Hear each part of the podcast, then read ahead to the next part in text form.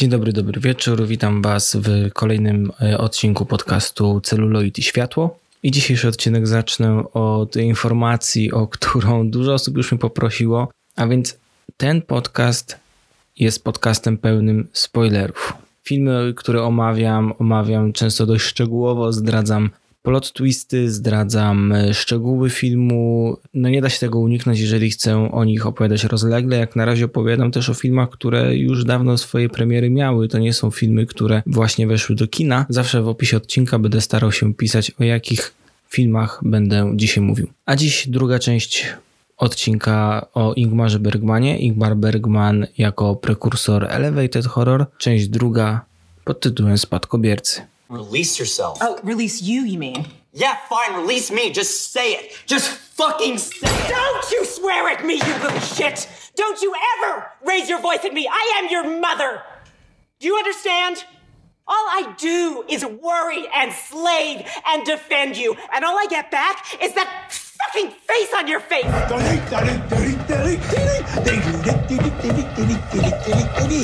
Dance! Dance, Winslow!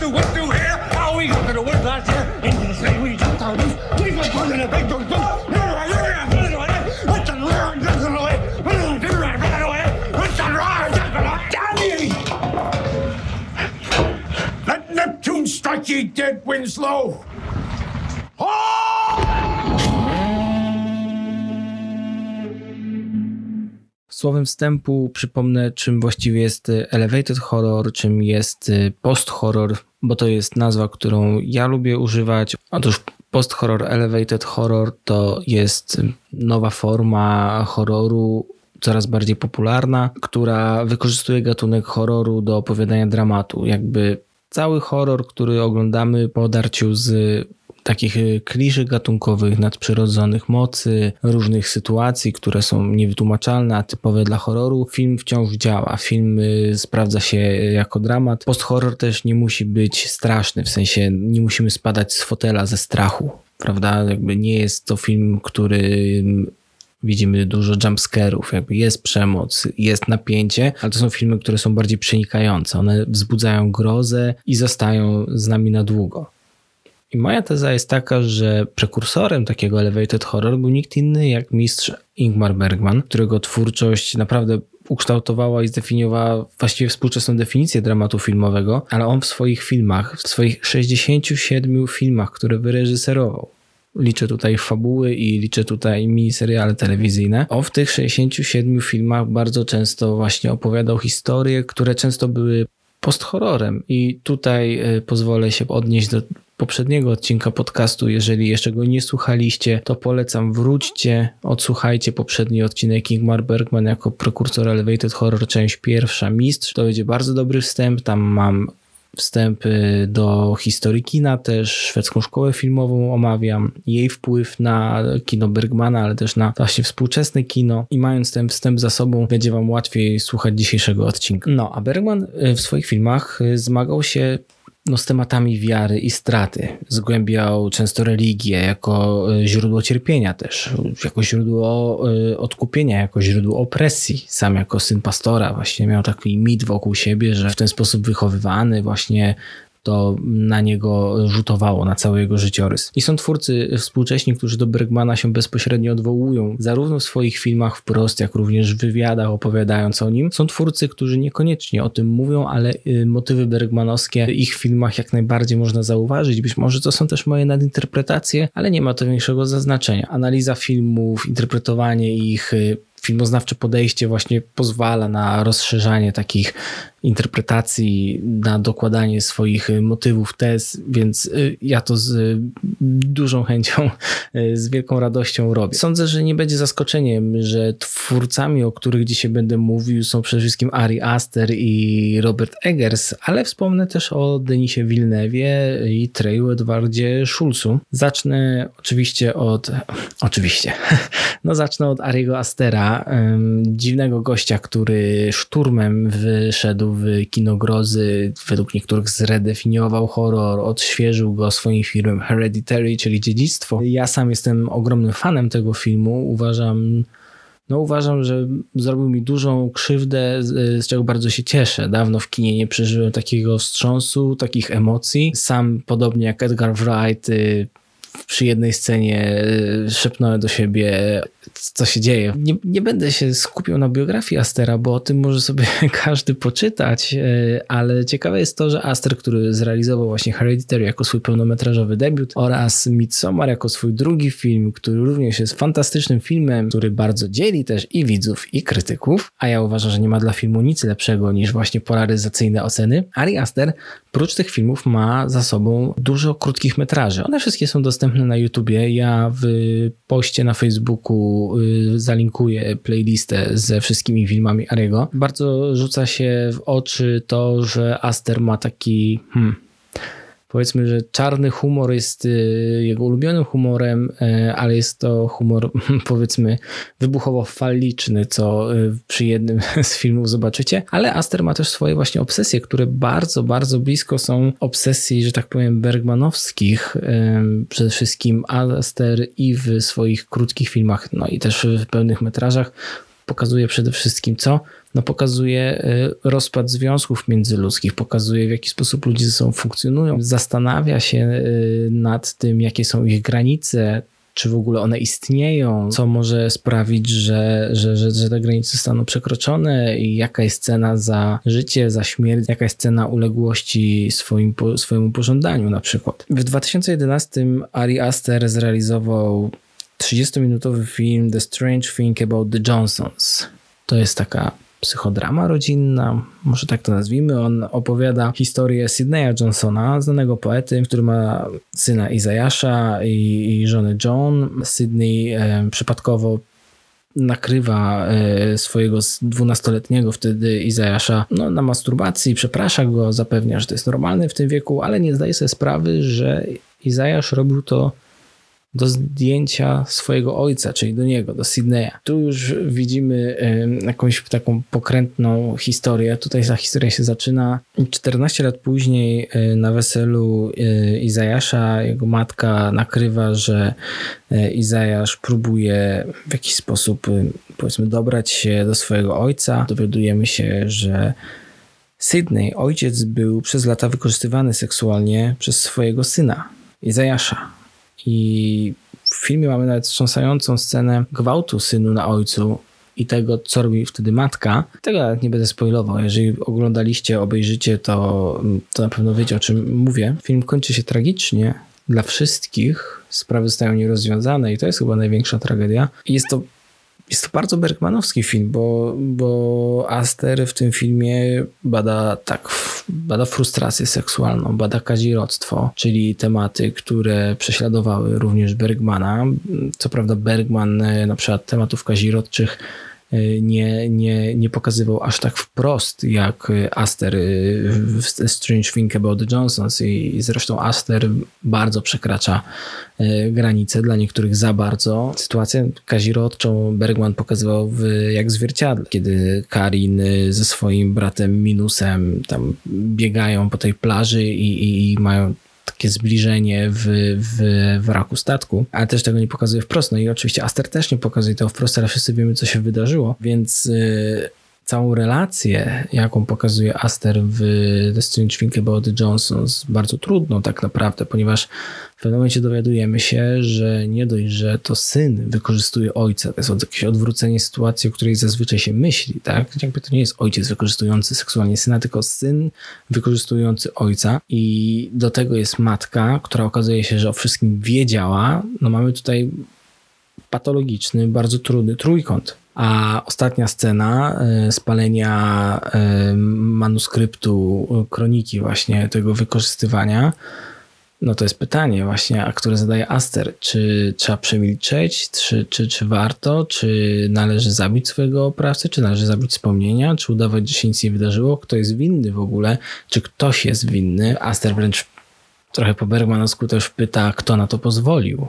Jakby dlaczego takie rzeczy się w ogóle dzieją. Ja, ja jak najbardziej polecam y, ten, ten, ten krótki film. Nie jest to łatwy seans, y, ale też wbrew temu, co często się, się, się mówi, to nie jest film, który szokuje na siłę. Absolutnie nie. Jakby Aster bardzo zręcznie tutaj y, wykorzystuje materię filmową, pokazuje to, co chce pokazać, słyszymy to, co powinniśmy usłyszeć i musimy sobie te wszystkie puzzle poukładać. Oczywiście Aster bardzo dużo swoich filmów buduje na dialogach i to są takie bardzo mocne dialogi, bardzo mm, opisowe, to nie są słowa, tak powiem, rzucane na wiatr. Widać, że Aster bardzo lubi ten sposób pisania Bergmana, zresztą o tym jeszcze będę mówił. No i właśnie debiutem Astera jest y, film Hereditary, Dziedzictwo. Film y, bardzo mocno czerpiący oczywiście z gatunku, z horrorów po prostu, jakby z filmu filmów o kultach, y, są nadprzyrodzone wydarzenia, dużo, dużo na przykład dziecka rozmary w tym filmie, w filmie widać y, jest takie typowe ghost story,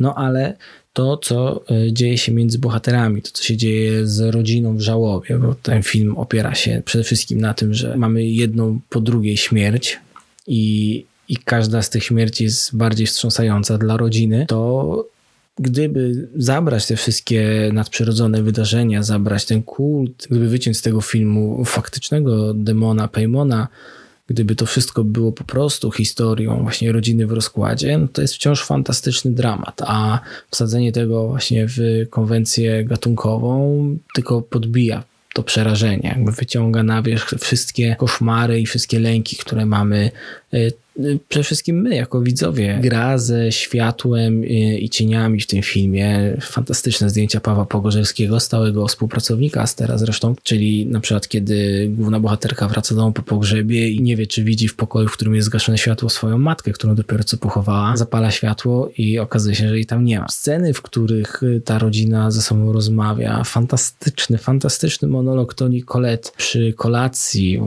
Tam jest taka najpierw zabawna niby scena, bo tam matka przedrzeźnia syna, który, który przy kolacji o czymś tam opowiada i zaczynają się między sobą kłócić i już zaczynają podać wielkie słowa. Monolog jest właściwie legendarny w tym momencie, już przerabiany jako memy, odtwarzany przez ludzi i zapamiętywany. Ja zresztą sam niedawno zrobiłem sobie quiz, jak dobrze znasz monolog Toni Colec Hereditary i miałem 95% y, dobrych odpowiedzi. Ja pomyliłem tylko jedno słowo, no ale fraza that fucking face on your face jest już po prostu kultowa. To jest po prostu totalnie bergmanowska rzecz. To jest bergmanowski dialog taki rzęsisty, mocny, oskarżycielski do samego cna. No a sam Aster y, o, o wpływach Bergmana jak najbardziej też mówi. Polecam wam odsłuchać cały podcast E24, gdzie Aster z y, Egersem rozmawiają o filmach. Oni tam w 50 minut podcastu, prawie 50 tytułów filmów wymieniają. Właściwie strzelają tytułem filmu na minutę. No i y, Aster mówi, że pracując przy Hereditary myślał o jesiennej sonacie, którą zresztą dał ekipie do obejrzenia, żeby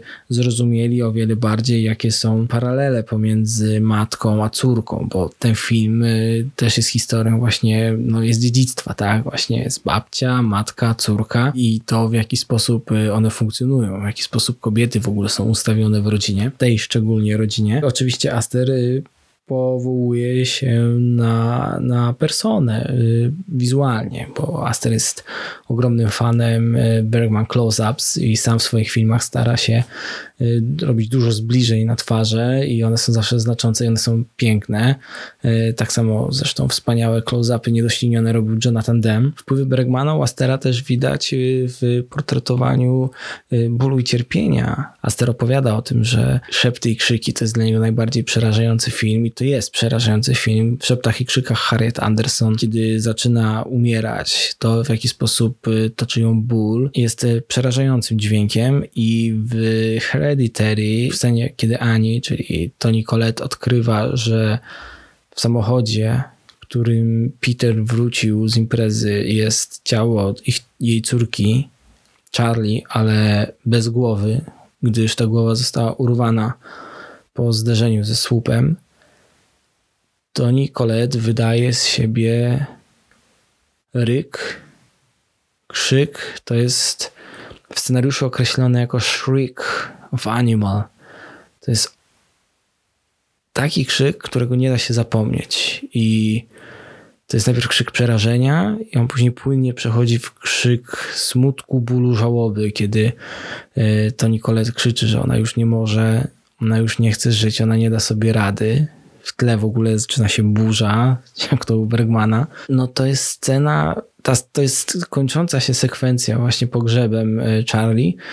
Mm, i nie wiem właśnie, czy to, co się dzieje z Charlie, czy to, w jaki sposób Peter przeżywa to, co zrobił, bo to też jest taka scena, że jakby dochodzi do wypadku i Peter siedzi, siedzi, siedzi w tej ciszy i my też jesteśmy po wielkim zaskoczeniu, bo myśleliśmy, że po prostu w ostatniej chwili zdążą do tego szpitala, no ale on odjeżdża i potem jest ten krzyk, że ja kiedy czytam scenariusz, ja kiedy czytam scenariusz Hereditary, nie kiedy oglądam film, kiedy czytam scenariusz Hereditary i już widzę Charlie, która mówi Peterowi, że nie może oddychać, ja już czuję te emocje, robi mi się słabo, czuję mrowienie w kolanach, y, bo wiem, co się wydarzy, wiem, jaki emocjonalny impact będzie miała ta scena i, i, i co, się, co, co w ogóle będzie. I widziałem ten film już kilka razy i to ma zawsze takie, takie samo, taką samą mocną siłę oddziaływania. No i to jest właśnie porównywalne z krzykiem bólu, jaki mamy w jak zwierciadle, też Harriet Anderson zresztą w szeptach i krzykach i w Personie, bo w Personie też przecież pod koniec filmu właśnie toczona chorobą bohaterka krzyczy. No i co robi Aster? Aster stwierdza, kurde, to chyba trochę mało i realizuje Midsommar, w którym Florence Pugh, młoda, dwudziestokilkuletnia aktorka, przez pół filmu walczy swoją żałobą, krzyczy, płacze, zatyka ją i Bergman Bergman i Aster y, jakby dochodzi do granicy ludzkiego bólu i go pokazuje na ekranie. To nie jest tak, że on tym e, epatuje. Moim zdaniem trzeba mieć sobie dużo empatii, żeby umieć to pokazać, żeby właśnie tym nie epatować, a, a jedynie się tym podzielić. Nie wiem, czy Aster przeżył takie rzeczy. Zresztą to jest człowiek, który y, zapytany na, na AMA redditowym, Ari, czy wszystko z tą w porządku, odpisuje po prostu nope. Wiem od y, po prostu znajomych, wspólnych, tak to nazwijmy, że no to jest dość zabawny gość, który ma specyficzne poczucie humoru. No ale to, co tego człowieka toczy, jakieś demony właśnie, jakieś... Yy, bardzo trudne, nie wiem, emocje, przeżycia. Patrząc na życiorys Bergmana, to było jasne, skąd się biorą te, te rzeczy w jego filmach. Być może za ileś tam lat o Asterze również dowiemy się pewnych rzeczy i to wszystko ułoży się w całość. No nie wiem, to na pewno bardzo ciekawa postać. No i jestem przy Midsommar. Fenomenalnym filmie, jak dla mnie. Dla wielu badziewie, czyli najlepsze, co może mieć film, polaryzujące opinie. Już odpuszczę to, że film się yy, toczy w Szwecji, co, co, co jest y, myślę takim lekkim żartem y, też właśnie w stronę uwielbienia Astra dla Bergmana. Bergman często badał też taki kryzys tożsamości, no w Hereditary ten kryzys tożsamości jest jak najbardziej, ponieważ tam jest demon, który przejmuje tożsamość bohaterów. E, no Midsommar też jak najbardziej można rozpatrzeć jako właśnie kryzys tożsamości, przeżywanie żałoby i rozpad więzi międzyludzkiej. To jest jak najbardziej bergmanowskie i śmiem twierdzić, że ten film, oba filmy by się Bergmanowi bardzo podobały. Wracając e, do, do, do związków Astera Bergmana i Szwecji, no Midsommar jest też e, o tematyce religijnej. Mamy kult, mamy badanie właśnie takiego pogaństwa, powiedzmy, coś, co też interesowało Bergmana. Filmem, który najbardziej przychodzi na myśl e, z, z repertuaru filmów Bergmana, przy Midsommar e, są sceny z życia małżeńskiego. Miniserialu Bergmana z 1973 roku, który opowiada właśnie o powolnym rozpadzie związku. Ari Aster sam w jednym z wywiadów mówi, że no to nie jest tak, że myślał tak bardzo aktywnie o tym filmie, ale to jest najlepszy film, przykład y, właśnie rozkładu y, związku i dialogii, a właściwie nawet monologii, które Bergman zapisał w scenach z życia małżeńskiego, są brutalne do cna i to są y, dialogi, które później Aster próbował przenieść właśnie pomiędzy Dani i Christianem, głównymi bohaterami w filmie Midsommar. Ari Aster powołuje się na Ingmara Bergmana wprost w wywiadach trochę go nawet cytuję w niektórych swoich filmach. Na pewno filmy Bergmana miały na niego bardzo duży wpływ i taki sam duży wpływ miały też na Roberta Eggersa, który y, również jest y, powiedzmy obecnie bardzo kochanym, przez jednych kochany, przez innych uważany za reżysera, który przedkłada formę nad treść. Zresztą te same zarzuty są wobec Astera, który kwituje je, że no, kino zrobiło się polityczne, a wszyscy zapomnieli o warstwie wizualnej. No a e, Robert Eggers, czyli reżyser e, Wiedźmy e, i The Lighthouse, dwóch wspaniałych filmów, to w ogóle będzie tak, że mm, ten podcast będzie tylko o wspaniałych filmach i tylko o filmach, które mi się podobały. Możliwe, że tak będzie, bo żeby mówić o filmach, które się podobały z zainteresowaniem i powiedzieć dlaczego, jest o wiele trudniej niż film zjechać i skrytykować, bo wyżywać się na filmie i potrafi, myślę, że każdy. W każdym razie e, Eggers, twórca The Lighthouse i Wiedźmy w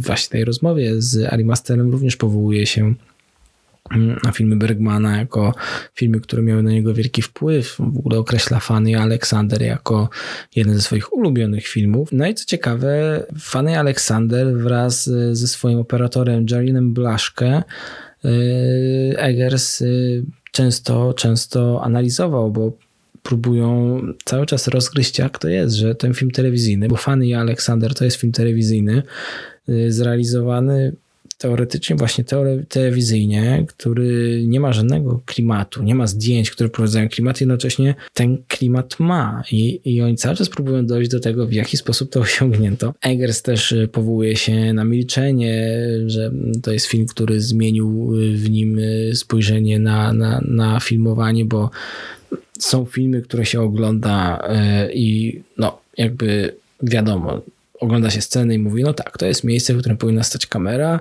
i to powinna ta kamera zarejestrować. A Bergman zawsze robi to inaczej. Są zawsze jakieś dziwne miejsca i to są dobre miejsca, tylko są zaskakujące. I jest to coś, co bardzo wpłynęło na, na Eggersa. W poprzednim odcinku dużo mówiłem o filmie Źródło i właśnie Źródło jest filmem bardzo bliskim e, The Witch, no bo już sam setup, taki folk tale, historia sprzed lat, gdzieś w lesie, nie w mieście, nie w dużej osadzie, tylko, tylko na, na, na odludziu. Jest bardzo podobna e, do źródła. Również e, izolacja bohaterów, bo w źródle mamy właśnie gdzieś tam malutką osadę w The Witch, rodzinę, która sama stwierdza, że odejdzie, bo tam mm, uważają, że e, sprzeniewierzono się Bogu i że osada, w której mieszkają, wcale nie jest chrześcijańska, jest za mało chrześcijańska i głowa rodziny postanawia, że oni odchodzą. I właśnie wtedy zaczyna się problem dla tej rodziny. Zaczyna się takie starcie pogaństwa z chrześcijaństwem z fanatycznym chrześcijaństwem wręcz, że ta rodzina jest fanatycznie chrześcijańska. No, są ludzie, którzy chcieli założyć nowe Jeruzalem tak naprawdę w Ameryce. No a w lesie żyje wiedźma i dzieją się różne rzeczy. Zresztą wiedźma tam po prostu pojawia się nawet w pewnym momencie szatan we własnej postaci. To jest tak główna oś tego filmu, a, a to, co jeszcze jest bardzo związane z Bergmanem, to, to właśnie temat na przykład frustracji seksualnej w tym filmie. Eggers portretuje tutaj chłopca Caleba, który no, zaczyna dojrzewać, sam jest jeszcze dzieckiem i to wizualnie widać, że to jest taki chłopiec, który jest raczej dzieckiem, a nie młodym mężczyzną. W scenie nad rzeką ewidentnie jest zainteresowany swoją, swoją starszą siostrą, jest e, zainteresowany seksualnie najzwyczajniej w świecie. Jest to młody, dojrzewający chłopak. E, biologia robi swoje, a tutaj jednocześnie porytańskie wychowanie, e, a on zagląda w dekolt swojej siostry. I co się później dzieje? Zostaje zwabiony przez dorosłą, ponętną kobietę, czarownicę, właśnie do jej, do jej domku, nazwijmy, bo jest tam domek czarownicy. Mm, więc dziecko zostaje uwiedzione przez, przez wiedźmę. Wszystko, co, co purytańskość gasiła, wszystko, o czym nie chciano rozmawiać, co, co w ogóle nie było tematu, y, wypływa ze zdwojoną siłą. Już y, nie będę odnosił się do obecnej sytuacji politycznej w naszym kraju, ale to wszystko brzmi bardzo podobnie. A sam Eggers mówi, że ogromny wpływ y, miał na niego film Bergmana Niespodzianka, ale również Szepty i Krzyki. Po pierwsze ze względu na emocje i wszystkie emocje, wszystkie zakopane przez te kobiety, przez te siostry wcześniej emocje zaczynają wychodzić na powierzchnię. Zarówno są radosne i i melancholijne wspomnienia, ale też y, bardzo bolesne i zakończenie The Witch, w ogóle cała kawalkada y, ostatniego aktu, śmierci i i też wyborów y, Thomasin, czyli głównej bohaterki, no to jest chodzące wszystkie ukrywane emocje, tak? I smutek, i zazdrość, i miłość. Każda z postaci tam musi stawić czoła swojemu lękowi i, i wstrętowi. Ginie ojciec, y, matka chce zabić córkę, córka zabija matkę, musi dokonać wyboru wyboru. Później e, córka podpisuje pakt z szatanem po to, żeby mieć e, lepsze życie.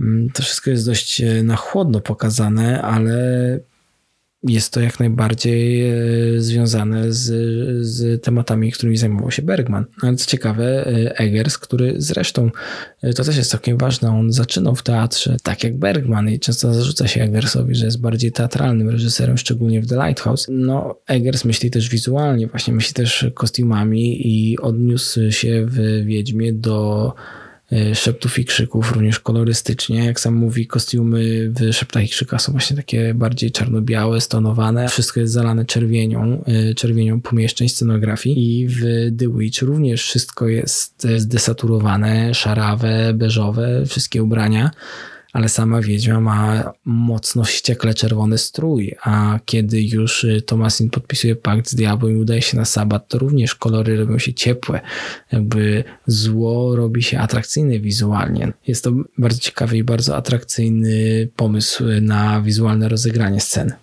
Eggers też y, odnosi się do Bergmana y, w Wiedźmie, zadając właśnie takie pytania trochę bergmanowskie. Rzadko spotykam się z takim myśleniem o Wiedźmie. Wiedźma jest często odbierana po prostu jako historia właśnie o czarownicy i o tych y, biednych chrześcijanach, którzy tam w lesie porzuceni sami sobie giną jeden po drugim. Ale Eggers mówi, że on zastanawia się, jak to jest, kiedy nie możesz wybrać swojej rodziny. Co się stanie, gdy ludzie, z którymi jesteś w izolacji, kolejny, kolejny raz, zresztą jest trzeci odcinek, w którym Y, mamy filmy, które zajmują się ludźmi będącymi w izolacji. W ogóle izolacja to jest bardzo, bardzo dobry y, pomysł na to, co zrobić z bohaterami. Właściwie najlepsze filmy to są właśnie filmy, w których mamy bohaterów w potrzasku. No ale właśnie mamy tą rodzinkę, której nie można wybrać. Osoba, która powinna nas kochać, tak naprawdę nawet nas nie lubi, uczucia są bardziej nawykiem. Tam jest taka scena w The Witch, kiedy nasi bohaterowie już rozpaczliwie padają na kolana i modlą się do Boga, aby ich prowadził, uzdrawiał, no i nie dostają odpowiedzi. I pytanie jakby, czy nawet jeżeli istnieje ta siła wyższa, to dlaczego ich porzuciła? To jest szalenie bergmanowskie pytanie i podejście do badania wiary w The Witch jest y, też bardzo bliskie podejściu tego naszego szwedzkiego reżysera. On zawsze traktował wiarę przez takie duże szkiełko, jakby badał je, zarówno jak zwierciadle się nad tym pochyla, oczywiście w gościach Wieczerzy Pańskiej. W szeptach i krzykach też y, oglądamy ludzi, którzy chcieliby wierzyć, a, a nie, nie, są, nie są w stanie tego robić. I dlatego być może y, Bergman też odnosił się do takiej kategorii jakichś snów na jawie. Co robił w Godzinie Wilka, robił to również y, w innych swoich filmach. Taki motyw tego właśnie snu, tego momentu, kiedy nie wiemy, co jest realne, a co nierealne. Y, Eggers wykorzystuje również w The Witch. Tak naprawdę scena taka snu snu jest jedna, kiedy matka myśli, że karmi swoje dziecko, a tak naprawdę jest dziobana przez, y, przez kruka. Świetna scena zresztą.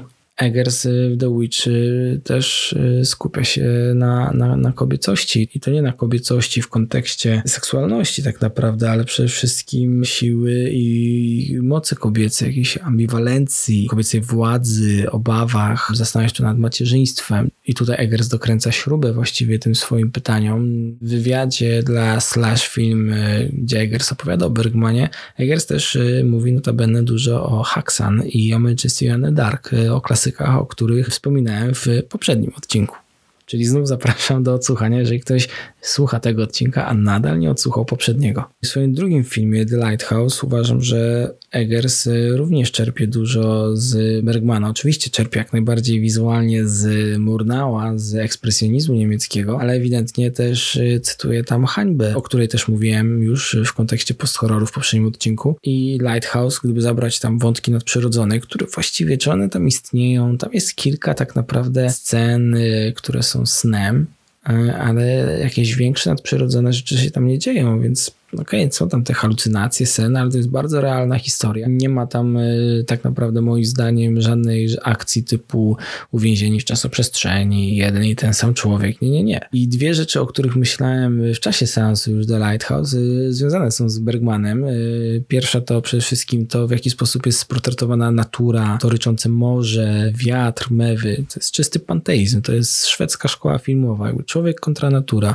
Natura jako Bóg, natura, która kontroluje człowieka człowieka i ma na niego wpływ. Druga rzecz, o której myślałem, to y, myślałem o personie o personie Bergmana, ponieważ oba te filmy jakby są takim trochę zwierciadłem wobec siebie. W personie mamy dwie kobiety, w The Lighthouse mamy dwóch mężczyzn i to są skrajnie różne postacie. One ścierają się ze sobą aż do momentu, że jakby blendują się w taką jedną, jedną postać. Stąd te interpretacje, że w The Lighthouse, o kurczę, a może to jest jeden gość, tylko raz młody, raz stary, który ma schizofrenię, zastanawia się, czy to on, czy to nie on. Jakby nie, to jest dwóch różnych gości, którzy po prostu stają się jedną osobą, tak jak w Personie.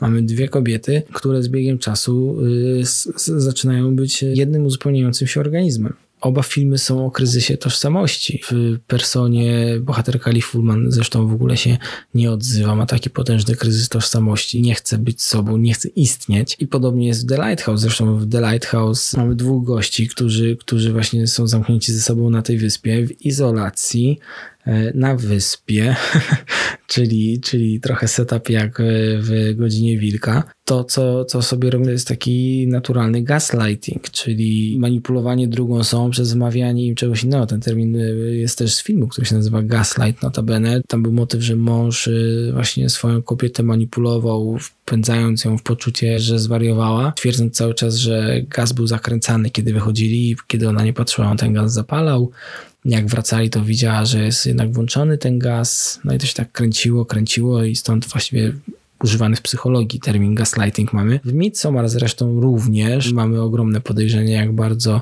mm, Christian manipuluje i gaslightuje Dani, a oni oboje są w ogóle zmanipulowani przez, y, przez kult. Ten termin może jest y, nadużywany, ale w The Lighthouse bardzo łatwo y, można oskarżyć, że Thomas Wake właśnie Winslowowi zaczyna wmawiać pewne rzeczy, sugeruje, że o, ty też oszalałeś tak jak mój poprzedni partner, powiedz mi, jak długo już tu jesteśmy, kilka dni czy kilka miesięcy. Stary wywia bawi się kosztem młodszego, a koniec końców obydwaj na tym tracą, bo zbliżają się właśnie do siebie i zmieniają się w taki jeden organizm. Więc paralele między Personą i The Lighthouse są dla mnie, są dla mnie bardzo, bardzo jasne. I to, co zarówno Aster, jak i Eggers udowadniają, to, to to, że właśnie inspirowanie się mistrzami, czerpanie z nich, to jest coś, coś ekstra, bo można stworzyć coś nowego, coś bardzo ekscytującego. Wpływ Bergmana i jego filmu, spojrzenia na relacje międzyludzkie, proszę bardzo, w jaki sposób on się odbija w dziedzictwie, w jaki sposób y, właśnie rezonuje w The Lighthouse i The Witch. Nie można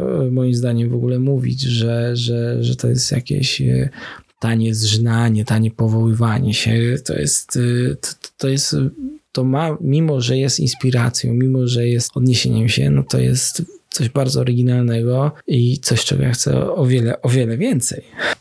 Mhm, teraz może pokuszę się na dość ryzykowną tezę, ale y, do, do odnoszenia się do Bergmana y, w kontekście post-horroru dorzucę Denisa Villeneuve'a ze swoim filmem Enemy na podstawie y, książki Podwojenie Jose Saramago. Fenomenalna książka, jedna z najlepszych, jakie w życiu czytałem. Bardzo wam polecam. Enemy jest historią mężczyzny, który odkrywa, że istnieje drugi taki sam mężczyzna jak on. Oni się tam w końcu spotykają, poznają i zamieniają się na chwilę swoimi, swoimi tożsamościami, co, co doprowadza doprowadza oczywiście do tragedii. No i gdzie tam, gdzie tam mamy Bergmana? Villeneuve, który jawnie mówi, że no, jego dwaj ulubieni reżyserzy to Steven Spielberg i Ingmar Bergman. Ciekawy, ciekawy rozstrzał, prawda? Bardzo szeroki. Jak najbardziej y, zresztą Bergman chciałby być, o, o czym w swojej animacji krótkiej Rated R for Nudity mówi wręcz wprost. To jest taka animacja, która jest y, po francusku i po angielsku jednocześnie, z kilka minut napisów i obraz jest po francusku, a w tle syntezator mowy mówi po angielsku. Na ekranie widzimy francuskie napisy i tam pojawia się napis e, Mon rêve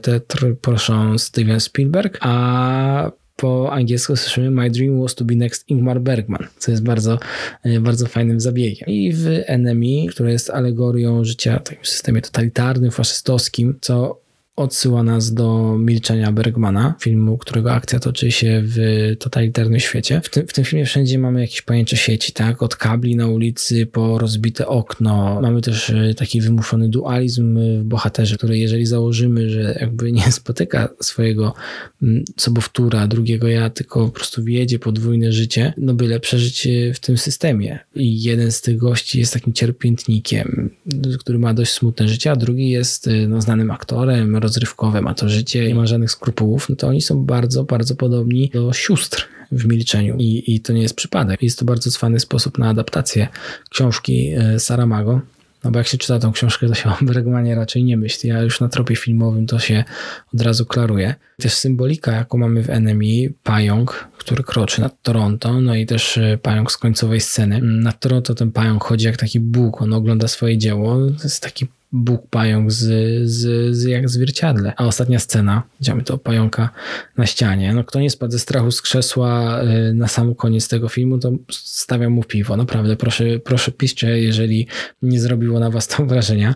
Y, no to to jest ten Bóg pająk, który przez drzwi miał wejść y, w jak zwierciadle. Co, co ciekawe, to to, że Denis to taki totalnie twórca, Denis Villeneuve to jest taki totalnie twórca arthouse'owy, który robi blockbustery i to jego marzenie marzenie, żeby być Stevenem Spielbergiem, następnym Bergmanem, chyba trochę się spełniło, no bo Pogorzelisko, najlepszy film chyba Wilnewa dotychczas, znaczy najlepszy, każdy jest super, ja bardzo lubię tego reżysera, ale no Pogorzelisko no to jest wielki, wielki film, no to to jest bardzo, bardzo taki Bergman. Tutaj Wilnew może powiedzieć, no byłem Bergmanem, zrobiłem film o ludziach, a z drugiej strony ma Blade Runnera, nawet bardziej Arrival, jako swojego Spielberga. Jakby. Więc no to jest wielki, wielki, wybitny reżyser. Nie mogę doczekać się Duny. To jest fantastyczne, że taki arthouse'owiec może robić blockbustery. I na sam koniec, mm, żeby już nie przedłużać, It Comes at Night, Trey Edward Schultz, twórca kapitalnego Waves. Notabene gość był y, asystentem Terensa Malika. Film y, ma bardzo dobre oceny krytyków i fatalne oceny u widzów. Mm, jest to wina pewnie tego, w jaki sposób jest reklamowany, bo to jest film, który opowiada o epidemii, o infekcji, ale skupia się tylko na zamkniętych y, w domku w izolacji bohaterach. Nie ma tam akcji, nie ma tam wyskakujących nie wiadomo skąd potworów, zombiaków. Są tylko niepokojące sny, sny, sny głównego bohatera. No ale to jest super film. Gdzie mamy epidemię, infekcje, ludzie zmieniają się, no można powiedzieć, że w zombie, no chorują na coś i oglądamy rodzinę, która próbuje przeżyć. Nie jest to taka efekciarska jak na przykład właśnie w Cichym Miejscu. Do tej rodziny przybywa inna rodzina, która też próbuje przeżyć. Zaczyna się przyglądanie temu, jakie granice ma człowiek. Co jest w stanie zrobić, żeby ochronić swoją rodzinę, żeby przeżyć. Czy jest w stanie zabić rodzica? No tak zaczyna się film. Czy jest y, w stanie zabić czyjeś dziecko? Tak ten film się kończy. Myślę, że są to y, pytania, które bez problemu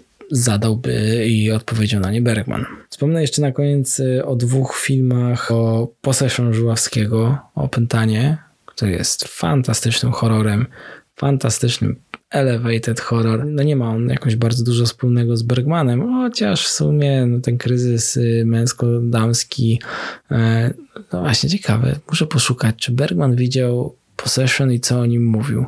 Założę się, że gdzieś o tym jest jakaś informacja. Jak znajdę, to, to na pewno w następnym odcinku o tym wspomnę. Mm, no ale Eggers na przykład powołuje się na Possession bardzo często. I już tak totalnie trochę off-topowo, ale wciąż przy post-horrorze wspomnę o e, Jonathanie Glazerze i jego Under the Skin, bo ostatnio u Michała Leszczyka, Spoiler Mastera, którego serdecznie pozdrawiam, odbyła się taka mała dyskusja na temat tego, czy Under the Skin to jest film science fiction, czy bardziej elevated horror. Ja uważam, że jak najbardziej jest to elevated horror, ponieważ no, setup jest science fiction. Mamy kosmitkę, która przybywa na Ziemię się zaczyna, ale cała reszta, te rozmowy z mężczyznami, to, to w jaki sposób są potraktowani, w jaki sposób pokazane jest właśnie życie na Ziemi, jakie są wymagania wobec kobiety, i co przeżywa ta kosmitka przecież y, w momencie zbliżeń z mężczyznami i tego, jakie są oczekiwania, to jest jak najbardziej elevated horror. Tam science fiction jest tylko setupem. To jest powiedzmy elevated horror e, ubrane w science fiction. Bardzo dziękuję Wam za uwagę, za czas spędzony e, ze mną, za to, że udało się domknąć ten dwuczęściowy odcinek. Szerujcie podcast. E, podcast możecie wysłuchać na Spotify, na Google Podcast. E, jestem na YouTubie, jestem na Apple Podcast. Podsyłajcie znajomym, rodzicom, swoim chłopakom, dziewczynom. Dzięki wielkie i do następnego.